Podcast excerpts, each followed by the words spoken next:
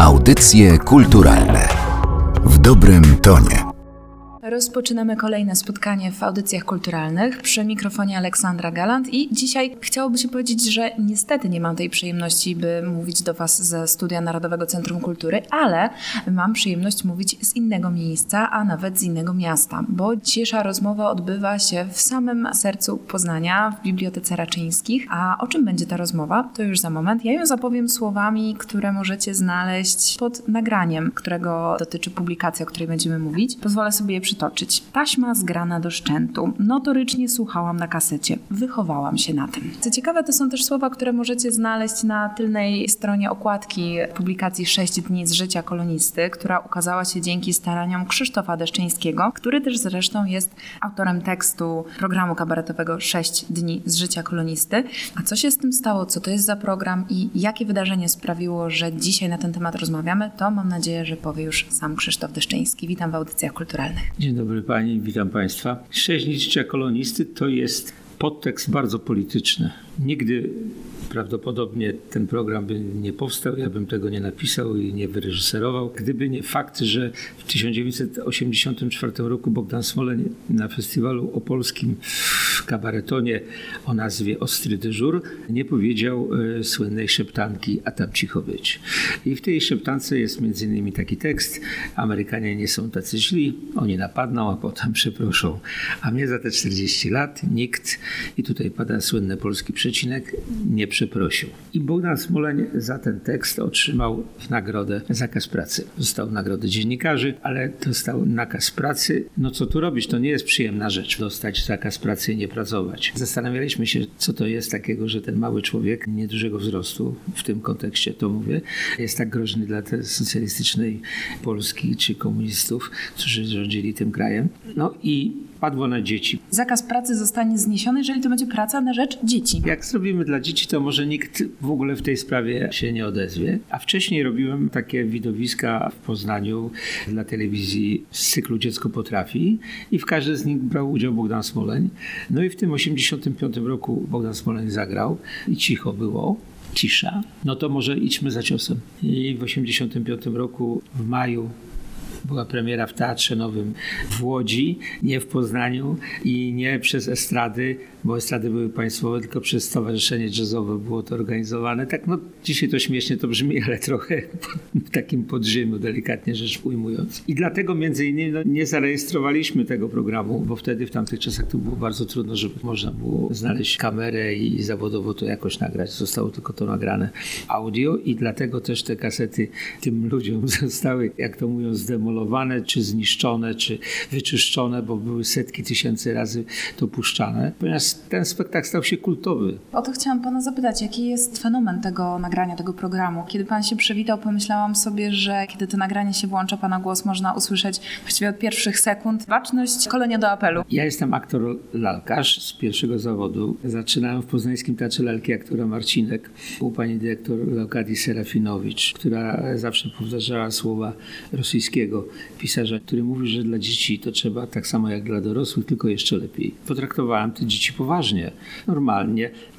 Tutaj w tym komiksie jest także historia tego programu. Jest stary program, którym dzieci mogły sobie kupić czy rodzice i tam jest napisane na tylnej części tego programu taki tekst. Kolonia według słownika języka polskiego jest osiem różnych propozycji do wyboru i niepotrzebne skreślić. Pierwszy, najważniejszy. Zagraniczna posiadłość jakiegoś państwa zwykłe terytorium zamorskie uzależnione od tego państwa, stanowiące teren jego ekspansji politycznej i gospodarczej. No i proszę, pan cenzor nie wpadł na to chyba, żeby to przeczytać. I tak zostały potraktowane dzieci. Ja byłem symbolem tego państwa, które politycznie, gospodarczo wykorzystuje kolonię polską. Dlatego byłem obcesowy, byłem ostry, nie stać mi było na żadne, za przeproszeniem, żarty. I kiedy na przykład mówiłem do tych dzieciaków, którzy rozrabiali na tej kolonii. No napiszecie listy do rodziców. To Smoleń krzyczał, hura, wolno pisać. Dzieci nie wiedziały do końca o co chodzi, ale rodzice już to drugie, trzecie dno znali. To są jedne z pierwszych Pana słów, kiedy Pan mówi do dzieci, witam Was w leśnej kolonii, gdzie w atmosferze szczęścia i koleżeństwa spędzicie wyśmienite wakacje. A w ramach dobrowolnie przyjętej dyscypliny. To są pewnego rodzaju cytaty bo ja taką miałem rolę i takich gnębiłem. Kiedy przychodziłem i mówiłem, nie będzie dzisiaj obiadu, no to wszyscy wiedzieli, że może nie być obiadu, prawda? No bo w tych sklepach jest najczęściej ocet, musztarda czy coś tam, ale pan kierownik jest bardzo dobry dla was. Nie mówiłem, że ma tam karteczkę, że tam możecie sobie za karteczkę coś robić, ale przyniosą dla was skórę, możecie sobie sami ją zrobić, prawda, i tak dalej, i tak dalej. I że przeczytam. Jest taki obraz, który się nazywa Zielona Noc. No, na każdej kolonii jest Zielona Noc. Powiem więcej. Dzisiaj firmy organizują spotkania dla pracowników. Też jest Zielona Noc. I Smoleń jako wódz Indian taki tekst mówi. Rada Starszych wnikliwej i burzliwej dyskusji, cechującej się wzajemnym zrozumieniem, w późnych godzinach wieczornych ustaliła sobie to, co chciała. Mianowicie udasz się, Biały Jacku, do naczelnego szefa białych i przerobisz go w Indianina. Po wykonaniu zadania jesteś wolny jak dzika świnia. Mówimy cały czas o pewnych aluzjach, odniesieniach, nawet takich dosyć bezpośrednich zapożyczeniach, natomiast to musiało być nienachalne dla tych dzieci, które mimo wszystko odnajdywały w tym coś, co je ciekawiło, co je fascynowało, z czym spędzały całe dnie słuchając, no tak zajeżdżając te kasety. Bo w formie zewnętrznej to jest wszystko ok. To jest pierwszy papieros. No, gdzie może być pierwszy papieros? No, z daleka od domu, na kolonii bardzo chętnie. To są sytuacje niewymyślone, to są sytuacje naturalne. Jeżeli się dzieciaki bawią w teatr, w przebierańców. Sam byłem na koloniach wielokrotnie, to, te konkursy recytatorskie. Różnego rodzaju zabawy istniały i istnieją do dzisiaj. To wszystko było naturalne. Każdy z tych dzieciaków chciał się utożsamić z tymi bohaterami, bo to byli fajni faceci. Jacek Baszkiewicz, Andrzej Czerski i Bogdan Smoleń.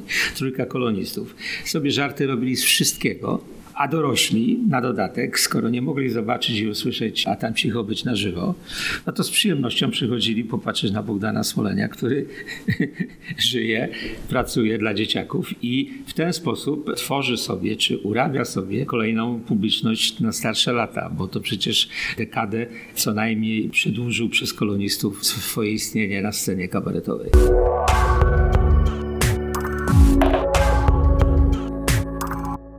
Z jakiego powodu akurat teraz przyszedł czas na to, żeby odświeżyć 6 dni z życia kolonisty i to w taki sposób? No bo na podstawie programu kabaretowego, który niestety w formie wideo nie został zarejestrowany, powstał komiks. Zaraz porozmawiamy o tym, jak on jest uzupełniony. To nie jest tylko komiksowy zeszyt, no ale dlaczego taka formuła? Bogdan umiera 2016 roku i ja byłem związany z nim bardzo długo. Mieliśmy wspólnie firmę i chciałem tego Smolenia jakoś upamiętnić. Chodziło mi różne pomysły po głowie i, i wszedłem na tego YouTube'a i pod tymi kolonistami czytałem te wszystkie wypowiedzi i tam było najwięcej pytań, jak długo muszę sobie to wyobrażać.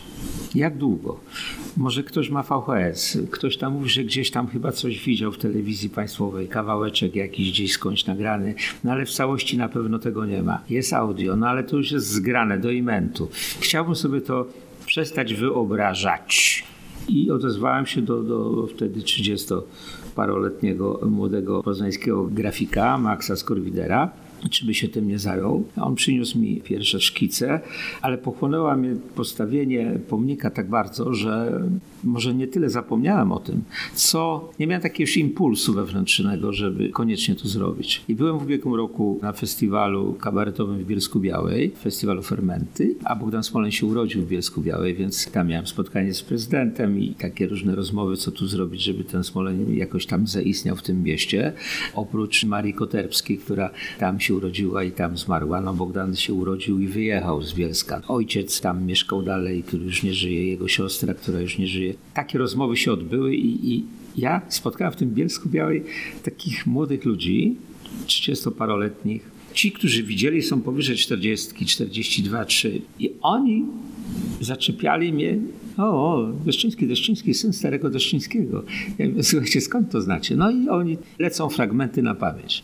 To jest niemożliwe, no przecież ile wy macie lat? No to nam 32, 36, no to skąd wy to? Od rodziców, bo rodzice słuchali, i myśmy się tego nauczyli. To było po prostu, myśmy na początku nie wiedzieli w ogóle, z czego się śmiejemy, ale było to tak fantastyczne, takie naturalne, takie super, że jechałem do tego Poznania taki nabuzowany tą atmosferą tego Bielska i tych ludzi, no, że mówię, nie ma co. Dzwonię do Maxa, Max mówi, robimy. No i w ten sposób doszliśmy do tego, że we wrześniu, no w krótkim czasie, bo to od marca zapadła decyzja, w krótkim czasie we wrześniu już komiks był na półkach księgarskich. To wydawnictwo jest, umówmy się i powiedzmy sobie szczerze, kolekcjonerskie, bo tylko 500 sztuk poszło do sprzedaży, ponieważ powiat który dał pieniądze, dostał setkę komiksów dla bibliotek. To samo mm, Bielsko-Biała, więc tylko 500 sztuk poszło do sprzedaży. Co jeszcze poza tekstem, poza rysunkami, komiksami się tutaj znajduje? Pan już przeczytał treść okładki programu, którą kiedyś można było kupić, ale tu jest, zdaje się, że bardzo dużo materiałów, które dokumentują proces powstawania samego programu sprzed 40 lat.